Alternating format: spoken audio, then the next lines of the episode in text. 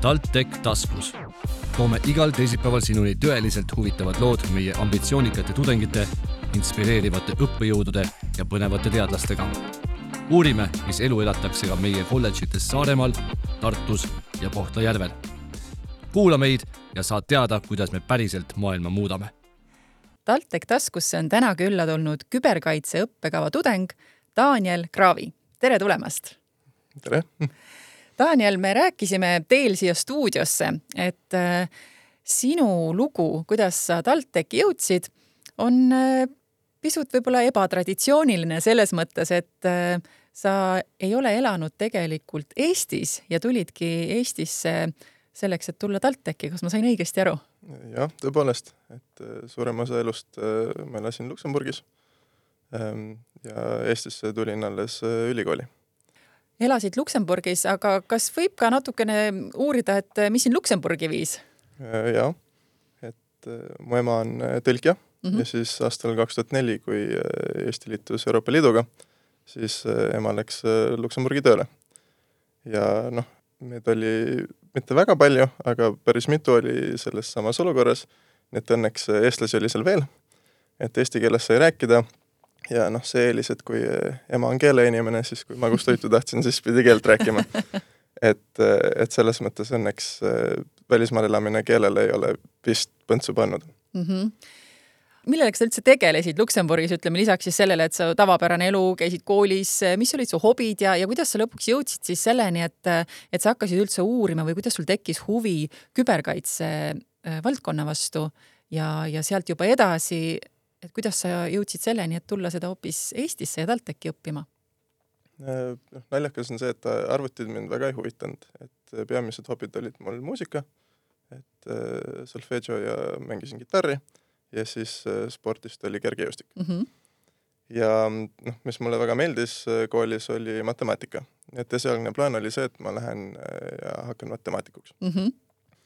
ja siis esialgu ma läksin Šveitsi ülikooli matemaatikat õppima ja siis äh, esimese semestri jooksul ma sain aru, et äh, mulle meeldivad teatud osad matemaatikast, mulle ei meeldi ülejäänud osad matemaatikast ja noh, kui ma tahan matemaatikuks saada, siis tuleb äh, nagu vähemalt need alused tuleb ikkagi selgeks õppida. ja siis ma otsustasin, et ma tulen ära ähm,. aga kuna see oli äh, noh, pärast esimest semestrit juba, siis äh, valdavalt äh, teistes välismaa ülikoolides oli liiga hilja selleks, et kandideerida mm. -hmm. aga noh, kuna Eestis saab kandideerida väga hilja, siis mul oli valik, et kas ma võtan vaheaasta või kas ma tulen Eestisse. ja vaheaastat ma võtta ei tahtnud, nii et siis ma tulin Eestisse.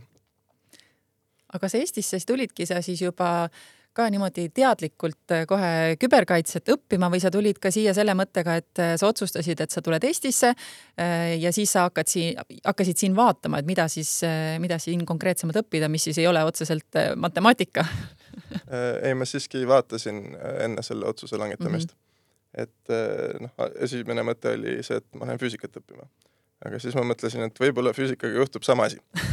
ja siis ma vaatasin, et noh, TalTechil oli palju noh, erinevaid äh, õppekavasid IT-alal ja nendest noh, kuna ma arvutitest väga palju ei teadnud, siis küberkaitse tundus kõige huvitavam, sest et see kattis noh, kõiki nagu erinevaid valdkondi, mida noh, võib-olla mida süsteemide arendus ei kataks näiteks. ja siis, ja noh, teine boonus oli see, et see oli inglisekeelne õppeprogramm ja ma mõtlesin, et äh, tuleviku mõttes on see kindlasti boonus, noh, kui ma tahaks uuesti välismaale minna, kui ma olen äh, õppeprogrammi läbinud inglise keeles mm. -hmm. küberkaitsest äh, räägime me lähemalt mõne aja pärast.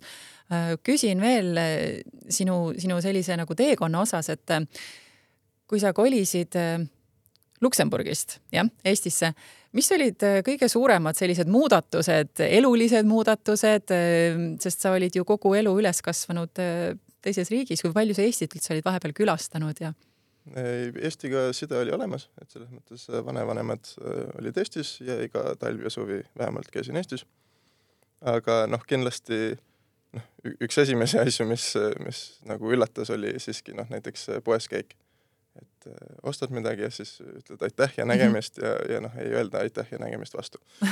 ja see oli väga-väga üllatav aga noh, teine asi oli siiski see, et äh, selle ingliskeelse õppeprogrammiga, et äh, ma rääkisin Eestis olles põhimõtteliselt vähem eesti keelt, kui ma mm. rääkisin siis, kui ma elasin Luksemburgis. sest et äh, kursakaaslased olid paljud inglased ja isegi kui olid eestlased, siis me rääkisime ikkagi inglise mm -hmm. keeles nii et Eestis elades ma rääkisin vähem eesti keeles kui välismaal.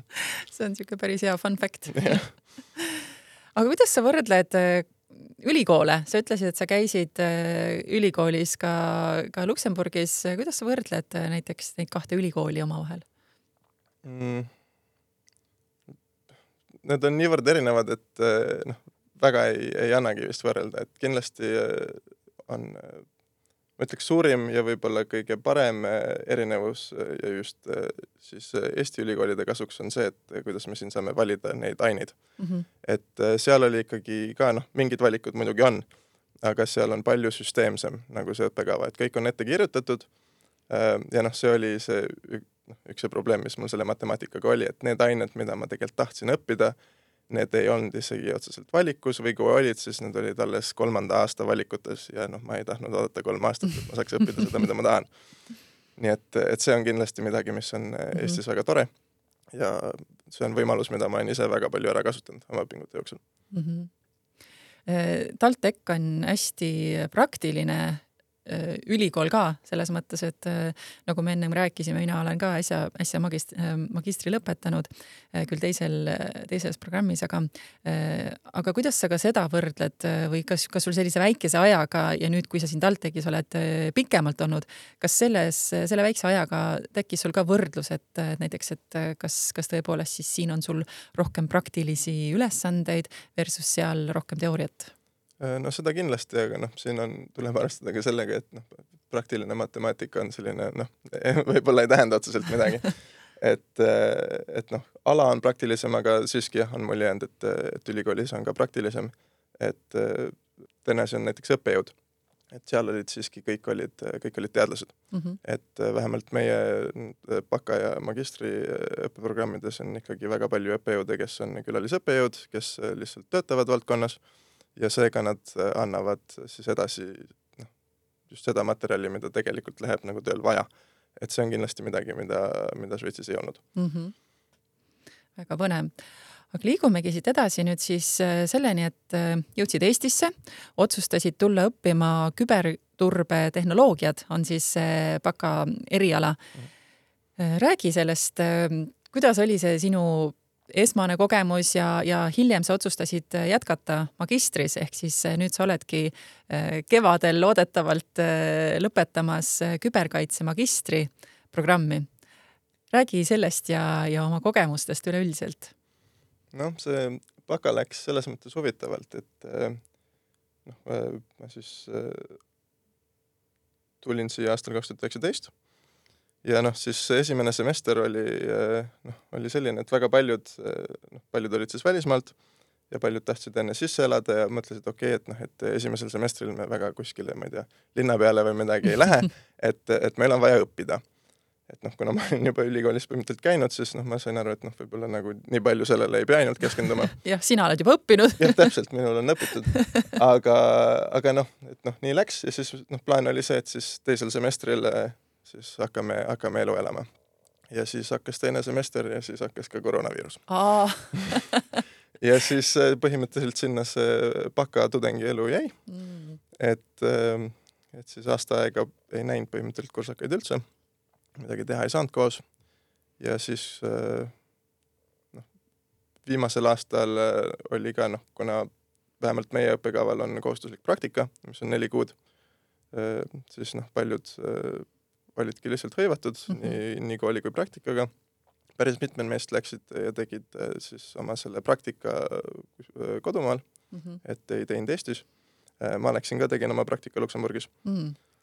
ja jah, et selles mõttes, et, et praegu ka baka selle bakakursusega väga sidemeid ei ole mm, -hmm. aga see on väga erinev praegu magistrist, kus kohe esimesest semestrist saadik oli ikkagi noh, just selline oli tunne, et on ikkagi nagu klass, et, mhm. et noh, see oli veits selline noh, tunne nagu, nagu koolis oli.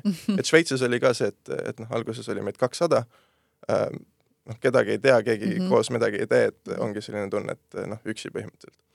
aga bakas ilmselt oleks ka olnud see klassitunne, kuna noh, meid oli vähe mm. -hmm. aga, aga noh, lihtsalt koroonaviirus mm. -hmm. et, et see, see nagu kahjuks, kahjuks nii jättis läks. oma jälje jah mm. -hmm. Aga kui sa mõtled tagasi nüüd äh,, räägime alustuseks veel sinu äh, baka kogemusest, et äh, mis olid kõige põnevamad äh, mälestused või taipamised, kui sul, kui sul on midagi veel eriti värskelt või eredalt meeles? no mul on tegelikult see algus väga eredalt meeles, sest noh, see oli see, et mina ei teinud arvutitest põhimõtteliselt mitte midagi mm. -hmm.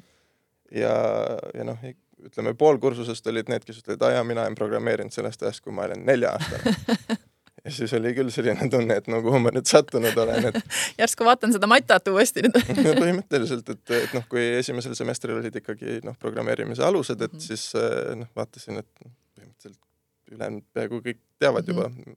juba ja noh, siis oli veits hirmus.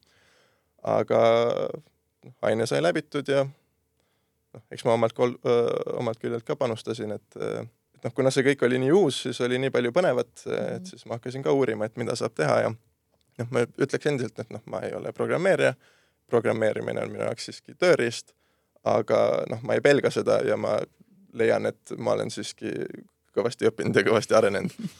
et, et ütleme nii, et noh, ma pabistasin põhjuseta. mida üldjuhul tehaksegi, kusjuures, et äh, inimesed üldjuhul mõtlevadki üle ja, ja tegelikult see reaalsus ei olegi nii hirmutav. jah, seda küll. ja siis ma mäletan ka seda noh, esimest päeva, kui, kui olid siis äh, vist teise või kolmanda kursuse tudengid, kes noh, ka natuke kirjeldasid meile, milline see programm välja näeb. ja siis nad viisid meid ka Space'i, mis on siis noh, üks ühing, mis teeb midagi arvutitega, ma täpselt ei tea. ja siis, ja siis seal see poiss rääkis oma sellest ühest nii-öelda projektist mm. -hmm ja tema projekt oli panna ülikooli katusele satelliit selleks, et mingitest vanadest Vene satelliitidest krüptitud mingit sidet siis nii-öelda varastada. ja siis oli küll see, et nii, et A, kas me õpime seda, B, kas see on seaduslik, siis C, kas ta mõtleb seda päriselt, kas see on lihtsalt praegu mingi nali. Ja noh, vastus on see, et see on väga ebaseaduslik, ta mõtles seda päriselt, aga ta ei teinud seda. nii et. rõõm kuulda. jah aga et see oli nagu väga lahe, et mm, -hmm. et noh, mhm. see on täpselt see, et noh, mõtlen, noh, mis see küberkaitse, et ah, see on ikka lihtsalt mingi ülikooli aine, et noh, mis me ikka teeme ja siis ei, see kõlab väga lahedalt ja see aine ongi lahe mm. -hmm. et, et see oli nagu tore.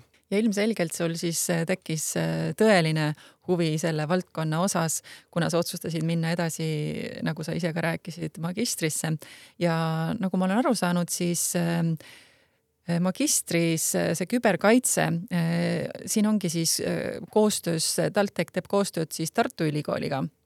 räägi sellest lähemalt. kuidas see koostöö välja näeb ja, ja mida see täpsemalt tähendab? Mm, no magister on siis noh, ette nähtud on, on kaks aastat, sada kakskümmend ainepunkti ja vähemalt kakskümmend neli ainepunkti tuleb siis saada teisest ülikoolist et see ei tähenda, et kakskümmend neli peab olema Tartust ja ülejäänud Tallinnast, võib ka olla vastupidi. aga vähemalt kakskümmend neli ainepunkti peab olema siis äh, kummastki ülikoolist. ja noh, valdavalt on nii, et noh, need, kes on Tartust pärit, need äh, teevad suurem osa ainetest teevad Tartus ja siis tulevad äh, Tallinnasse, kui vaja. aga noh, enamasti neil ei ole vaja, et noh, Tallinnas salvestatakse noh, loenguid mm -hmm. ja mhm. tehakse neid veebidel rohkem kui Tartus mm, -hmm. vähemalt äh, nagu nendes ainetes, mis, mis meil on olnud mm. -hmm. aga Tallinnast siis äh, teisel semestril organiti meile buss mm, -hmm. et oligi koolibuss äh,, neljapäeva hommikuti läksime kõik peale, sõitsime Tartusse äh,, ained olid noh, pandud nii, et äh, need kaks ainet oleks järjest, et noh, päev oli sisustatud ja siis õhtul tuli buss tagasi.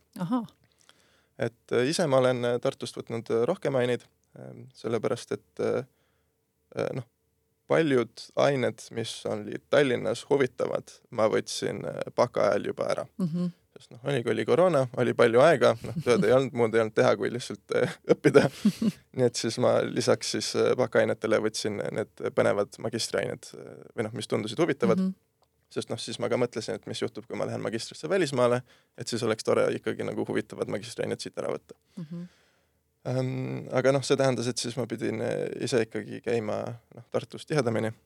et ähm,, et noh, see natuke tülikas oli, et noh, siiski noh, rongisõit on mingi noh, kaks kakskümmend, et minna ja tagasi, aga enamasti ma ööbisin siis äh, ühe öö Tartus, et rongiga läksin kolmapäeval ja siis tulin selle koolibussiga neljapäeval tagasi aga jah, et mul on praegu võetud umbes pool ja pool ainete Mhm, mõttes mhm, mõlemast mhm. ülikoolist. aga see on pigem erand, Mhm. et äh, jah. nagu mina olen aru saanud, siis äh, sellel erialal on ka erinevad suunad. võid sa seda natukene täpsemalt rääkida? jah, et on siis kolm suunda, on nii-öelda see üldine suund, siis on krüptograafia suund ja siis on nii-öelda see kriminalistika suund. et ähm, see üldine suund ja kriminalistika suund on siis pigem TalTechi poolsed ja krüptograafia suund on pigem Tartu mm. -hmm. et noh, seepärast ka väga vähesed on võtnud selle krüptosuuna, sest et noh, nad ei taha liikuda, kui nad on Tallinnas ja B, noh, see krüptosuund on palju teoreetilisem ja noh, mõnes mõttes on ta, on ta raskem Äh, ongi sellepärast, et noh, ta ei ole nii praktiline Mm -hmm. um,. mina ise võtsin äh, kriminalistika suuna. tundub põnev, mis asi on kriminalistika suund, räägi sellest. no kriminalistika on see, et noh, kui vaadata mingeid äh, Hollywoodi filme või mingeid politseisarju mm. -hmm. siis see on see, kus äh, kolm inimest kirjutavad samal klaviatuuril ja üritavad lahti muukida äh, mingeid kõvakettaid, mis Aa. mingitel pahalastel on olnud ahaa, nüüd ma küll tean, millest sa räägid, jah. et äh, kriminalistika on, on siis see, mida teeb äh, politsei, kriminalistika on ilmselt see, mida teeb kaitsepolitsei. et äh, jah, et see on nagu selline noh, ta on, ta ei pea olema juriidiline, et seda tehakse ka firmades, et kriminalistika ongi vajalik, et näiteks kui on olnud mingi noh, kui firmat on rünnatud, siis on vaja uurida täpselt, et noh, kuhu pahalased on nagu ligi pääsenud, mida nad muutnud on, mida nad otsivad et see kõik on kriminalistika mm. -hmm. et kriminalistika ei tegele tõrjega äh,, kriminalistika ei tegele siis noh, kaitse või ründega, et kriminalistika on siis äh,, ongi nagu jälgede otsimine põhimõtteliselt digiseadmetes. et ma valisin selle suuna äh,, aga tegelik põhjus, miks ma selle suuna valisin, oli see, et äh, see noh, õppeprogramm on meil üles ehitatud nii, et kohustuslikud ained ei ole väga erinevad nende kolme suuna puhul küll aga et noh, valdavalt on ikkagi valikained äh,, lihtsalt need äh, soovituslikud valikained on erinevad mm. -hmm. ehk siis see suunavalik aitab selles mõttes, et kui, kui näiteks ei tea täpselt, mida äh, nagu teha tahta, siis see suunavalik aitab, et seal on nagu soovitused, aga need ei ole enamasti ranged reeglid mm. -hmm. Um, et selles mõttes noh, oligi, et ma võtsin, võtsin kriminalistika, et mul ei oleks kohustust käia mm -hmm. Tartus mm, -hmm. aga kõik need huvitavad krüptograafia ained, sest noh, mind ennast huvitab krüptograafia kõige rohkem, need ma võtsin siis Tartust ära, aga ma lihtsalt ei tahtnud seda kohustust mm. -hmm. ja räägi lähemalt, mis, mis kujutab endast krüptograafia mm,? krüptograafia on siis noh, ütleme, et infoturbe alus on tegelikult krüptograafia. et, et kui on mingi suhtlus või kui on info, siis äh, seda ei saa turvata ilma krüptota mm. -hmm. et, äh, et ainult, ainult pahalaste tõrjumisega ja kaitsmisega, et sellest ei piisa. et noh, krüptograafia on siis umbes noh, koodid mm. -hmm. et noh, see ongi, et kui meil on Eesti ID-kaart, et me saame krüptida äh, dokumendi, et siis keegi teine ei, ei mm, -hmm. ei näe, mis selle sees on, et mm, -hmm. et enamasti seostavad inimesed krüptograafiat siis konfidentsiaalsusega mm. -hmm. noh, krüptograafia võimaldab palju rohkem, see võimaldab terviklust näiteks, mis ma ütleks, et on ilmselt teine kõige kasutatum siis viis. aga noh, põhineb see lihtsalt keerulistel matemaatilistel probleemidel mm. -hmm. et probleemid, mida me ei suuda digitaalselt lahendada, me ütleme, et okei okay,, meie ei tegele sellega, las matemaatikud tegelevad et väga kaval selles mõttes, aga noh, selle, sellepärast on see ka, on see ka keerulisem, aga noh, mina. kuna sina ei ole matemaatik, siis sina ei pea sellega tegelema. jah, aga, aga noh, kuna mulle matemaatika meeldis mm -hmm. ja tuleb välja, et see matemaatika, mis mind huvitab, on see matemaatika, mis on krüptograafias oluline, siis mõnes mõttes ma olengi leidnud selle ideaalse mm -hmm. suuna, et seal on -hmm. just see, mida ma tahan. see osa seal matemaatikast, mis, mis on just, mis sulle meeldib väga-väga tore selline nii-öelda ring jõudis siis nagu sinuni tagasi, eks ju. ma olen lugenud, et sa oled öelnud, et klassikaline on mõelda, et aga kes mind ründaks. sest et enamjaolt rünnataksegi masse. mis sa selle all silmas pead? selgita seda lähemalt et jah, seda on ikkagi suhteliselt harva, vähemalt noh, ütleme tavakodaniku puhul, et keegi, keegi kindlalt tahab just selle kodaniku andmeid, et rünnatakse ikkagi suur, suuri firmasid, rünnatakse riike ja, ja noh, seal see noh, ütleme nii, et see noh, see mastaap on täiesti teine. et noh, kui riik ründab riiki, siis noh, ongi, et inglise keeles me kutsume seda nation state actor mm, -hmm. neil on lõputult ressursse, lõputult aega äh,, et noh, tavainimesed ei pea selle pärast muretsema. küll aga, mis siis nagu tavainimesi puudutab, ongi see, et äh, noh, väga lihtne on, on rünnata masse selles mõttes, et, et pahalane ei, ei tal ei olegi oluline see, et ta saab konkreetse inimesega teada, tal on lihtsalt oluline, et ta saab kellegi kohta midagi teada mm. et äh, ja noh, siis ongi, et näiteks noh, kõige parem näide sellest on noh, äh, kui lekivad andmed, andmelekked, äh, paroolid, isikuandmed, et sellele järgnebki siis noh, kasutatakse ära inimeste identiteete, üritatakse, üritatakse nende noh, nende paroolidega näiteks sisse logida teistele saitidele, et kui inimene kasutab sama parooli igal pool, et noh, võib-olla tema Facebooki parool on seesama, mis pangaparool. Eestis on õnneks äh, see probleem natuke väiksem tänu sellele, et meil on lihtsalt äh, noh, see digitaalne infrastruktuur on paigas, meil on ID-kaart, meil on Smart ID, meil on mobiil-ID, et see aitab, äh, aitab kaitsta selle vastu. aga jah, et väga lihtne on lihtsalt, ongi rünnata mingit platvormi vahet ei ole, mis andmed ma sealt saan, mingid andmed ma saan, mingid andmed ilmselt toimivad, ma kasutan neid andmeid äh, ja noh, kui hästi läheb, siis ma saan nende eest raha. Äh, mida ka tihti teha, tehakse, ongi see, et noh, kui, kui pahalased äh, saavad nii-öelda ligipääsu arvutisse, et nad kasutavad neid arvuteid siis jõudlusrünneteks mm.. et noh, need on need DDoS, Distributed Denial of Service, et ongi, et kui keegi ei taha, et mingi veebileht oleks kättesaadav, siis on vaja seda rünnata hästi mitmest arvutist korraga et põhimõtteliselt on nii palju päringuid, et teenus ei pea vastu enam mm. -hmm. ja noh, seda teha ühest arvutist on raskem kui teha äh, paljud, või noh, seda ei ole raskem teha, aga seda on raskem tõrjuda mm, -hmm. kui see tuleb äh, nagu paljudest eri äh, algpunktidest mm. -hmm. väga põnev.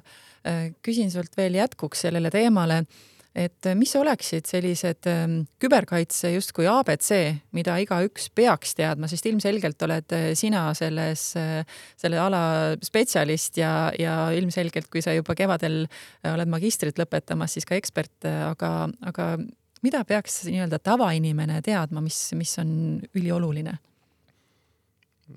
no kaks mõnes mõttes kõige lihtsamat ja ilmselt ka kõige olulisemat asja, mida inimesed saavad teha, on äh, A kasutada äh, paroolihaldurit. Äh, et noh, erinevate paroolide kasutamine erinevatel saitidel on keeruline, et kui inimene üritab kõiki meelde jätta, siis ta kas hakkab kasutama sama parooli või siis paroolid on väga sarnased. Äh, muidugi see, et need on sarnased, on juba noh, selles mõttes on hea, et noh, see ongi, et piisab sellest, et parool ei ole sama teenustel, et ongi, kui keegi isiklikult ei ründa seda inimest, siis nad ei hakka ära arvama seda sarnasust mm. -hmm. aga no siiski, noh, kunagi ei tea, võib-olla on mingi äh, ei meeldi naabrile või midagi, et, et noh, ikka on see, et enamasti lähituttavad vahel üritavad ikkagi noh, nagu rünnata mm. -hmm aga et paroolihaldurid noh, valdavalt lahendavad selle probleemi, et genereerivad äh, ise paroolid, jätavad ise need meelde, täidavad need ise äh, saitidel. selle teine eelis on see, et näiteks õngitsused. väga raske on äh, noh, õngitsuse ohvriks langeda, kui A äh, ei tea iseenda parooli mm -hmm. ja näiteks paroolihaldurid äh, äh, ei täida automaatselt äh, noh, õngitsuslehtedel paroole mm. -hmm. et nad salvestavad ära selle lehe ja kui on mingi teine leht, mis näeb samasugune välja, siis äh, noh, nad ei hakka täitma lihtsalt. ja noh, teine asi on siis äh, kaheastmeline autentimine mm. -hmm. et äh, noh, õnneks Eestis paljud olulised teenused teevad seda tänu noh, näiteks Smart ID-le ja mm, -hmm. ja mhm. mobiili-ID-le. aga, aga noh, ongi see, et noh, kas on telefonis rakendus, mis genereerib koode või siis paljud paroolihaldurid tänapäeval pakuvad ka äh, ise seda teenust ja nad saavad ka ise täita selle, et noh, tihti inimeste probleem ongi see, et oh, aga telefon ei ole käepärast mm, -hmm. et eh, noh, ma ei viitsi sisse lülitada, et ma pean iga kord telefoni otsima selleks, et sisse logida ja et, eh, et paroolihaldurid lahendavad ka mõnes mõttes selle probleemi mm. -hmm. et see on noh, lihtne samm, see alguses nõuab natuke harjumist, et põhimõtteliselt tuleb lihtsalt ennast harjutada seda kasutama, aga noh, ongi paigaldada veebibrauserile laiendus, mis teeb seda ise ehm, ja selles mõttes on, on noh, juba väga-väga-väga palju turvalisem see olukord mm. -hmm. ja selleks, et veel rõhuda sellele turvalisusele, tuleb sul meelde mõni konkreetne näide, võib-olla midagi, mis sul nüüd siis oled siin ülikoolis õppinud, mis on jagatud öö, olukorrast, kus on öö, siis öö, ütleme nagu sinna äh, kellegi kas arvutisse või, või võrku või kuskile sisse tungitud ja mis, mis siis ja mis oli see tulemus, ilmselgelt me teame neid lugusid erinevaid, aga, aga midagi, midagi sellist väga erilist, mis ka sul nii-öelda on, on äh, meelde jäänud? no üks, üks hiljutine näide Eestist oli siis, kui, kui lekkisid need geeniandmebaasi andmed. et see käis ka meediast läbi ja need on täpselt sellised andmed, et noh, kui lekivad parool või aadress, need võib-olla elu jooksul muutuvad mm -hmm.. noh, parooli saab kohe vahetada, aadress, noh, ilmselt ei koli kohe ümber, aga noh, see selleks. aga geeniandmed, noh, me ei saa neid muuta mm. -hmm see on ka näiteks äh, miski, mis äh, kõik, mis puudutab biomeetrilist autentimist, et näotuvastus, sõrmejälg, kui see kätte saadakse, sest noh, neid saab varastada, noh, ma ei saa muuta oma sõrmejälge mm, -hmm. vähemalt mitte väga meeldivat viisi ähm, nii et, äh, et ma ütleks, et see on noh, selles mõttes jah, natuke teistsugune andmeleke, et noh -hmm., enamasti me ikka kuuleme seda, et krediitkaardi andmed just, ja, ja kontaktandmed, aga, aga noh, just selline mm -hmm. nagu väga isiklik mm, -hmm. väga isiklikud andmed ja, ja millesse nagu noh, inimene ei saagi mitte midagi parata enam Ähm, et see on päris märkimisväärne mm. -hmm. just seda mõtlesingi, et, et võib-olla sul on jah mõni näide tuua millestki, mis ei ole võib-olla nii palju levinud, et, et see oligi hea, hea selline mm, hea näide. ja küsin veel sinult lõpetuseks, et ähm, mis saab sinust edasi? kus sa näed ennast äh, järgmise viie aasta jooksul, mida sa tegema hakkad? no hetkel ma tegelen äh, Eesti e-valimistega, et ma töötan sellel alal, et siis kooli kõrvalt mm. -hmm. ja sellest semestrist ma olen ka hakanud andma äh, krüptograafia ainet äh, TalTechis äh, bakatudengitele. et sellega ma kindlasti loodan jätkata mm. -hmm. Et äh, seda ma veel ei tea, kas ma tahan doktorantuuri minna, eks see selgub ka natuke noh, mis meeleolu on pärast magistritöö kirjutamist, et kas ma tahan kohe hakata uut teadustööd kirjutama. aga noh, lähiaastatel ma kindlasti noh, Eestisse jään mm -hmm. ja ja noh, üritan ennast ülikooliga siduda, et noh, õpetamine on, on minu jaoks oluline, et noh, eriti just noh, krüptograafia, et noh, keeruline aine, seda on vaja kuidagi teha lõbusaks mm. -hmm. Ja õpetades tegelikult õpid ka ise kõige paremini. jaa, just eelmine semester, kui ma võtsin Tartust kõige keerulisem aine, mis mul on Eestis olnud, mis mm -hmm. oli ka üks krüptograafia aine siis viimasel loengul õppejõud ütles, et nii, see oli viimane loeng, kui teil on küsimusi, küsige praegu, nagu tavaliselt ma õppisin väga palju. Ja, siis me mõtlesime, et noh, ilmselt õppejõud sai rohkem aru kui meie. et äh, nii on. Aga kuidas sa enda, sa ütlesid, et sa juba praegu äh, annad ka bakaastmes, õpetad siis seda äh, krüptograafiat, et, äh, et kuidas sa üritad siis ise nüüd, kuna sa oled nii värskelt alles äh, Äh, baka lõpetanud, veel äh, magistris äh, õpid, kuidas sa üritad nagu enda siis loenguid teha teistest võib-olla erinevaks, et need oleksid kaasakiskuvad, oleksid haaravad ja, ja, ja, ja tudengitel oleks seal, oleks nagu ka fun, nagu sa ise ütlesid. no ütleme nii, et suurem osa krüptoainetest, et see lähenemine on selline, et, et mõeldakse, et mis siis, kui tudeng tahab minna teoreetilise krüptograafiaga edasi mm. -hmm. noh, ma eeldan, et tudengid ei lähe teoreetilise krüptograafiaga edasi. Äh, see ei tähenda, et krüptograafia ei ole vajalik neile ükskõik mis tahes, kas nad, kas nad tahavad teha mingit management'i või turvalist programmeerimist või küberturvalisusest tuleb krüptograafiaga tegemist teha. mis tähendab, et ma lähenen pigem sellele, et ma üritan seletada, et mis on äh, noh, mis on see tööriistakast nii-öelda, et mida nad saavad kasutada, äh, mis nende eesmärk on, kuidas nad saaksid neid kasutada, aga ma ei hakka kirjeldama, kuidas need toimivad mm. -hmm. et ma ütlen, et okei okay,, on olemas getassaag, on olemas haamer, ma ei hakka seletama, mis asi on haamer või et mis asi on getassaag.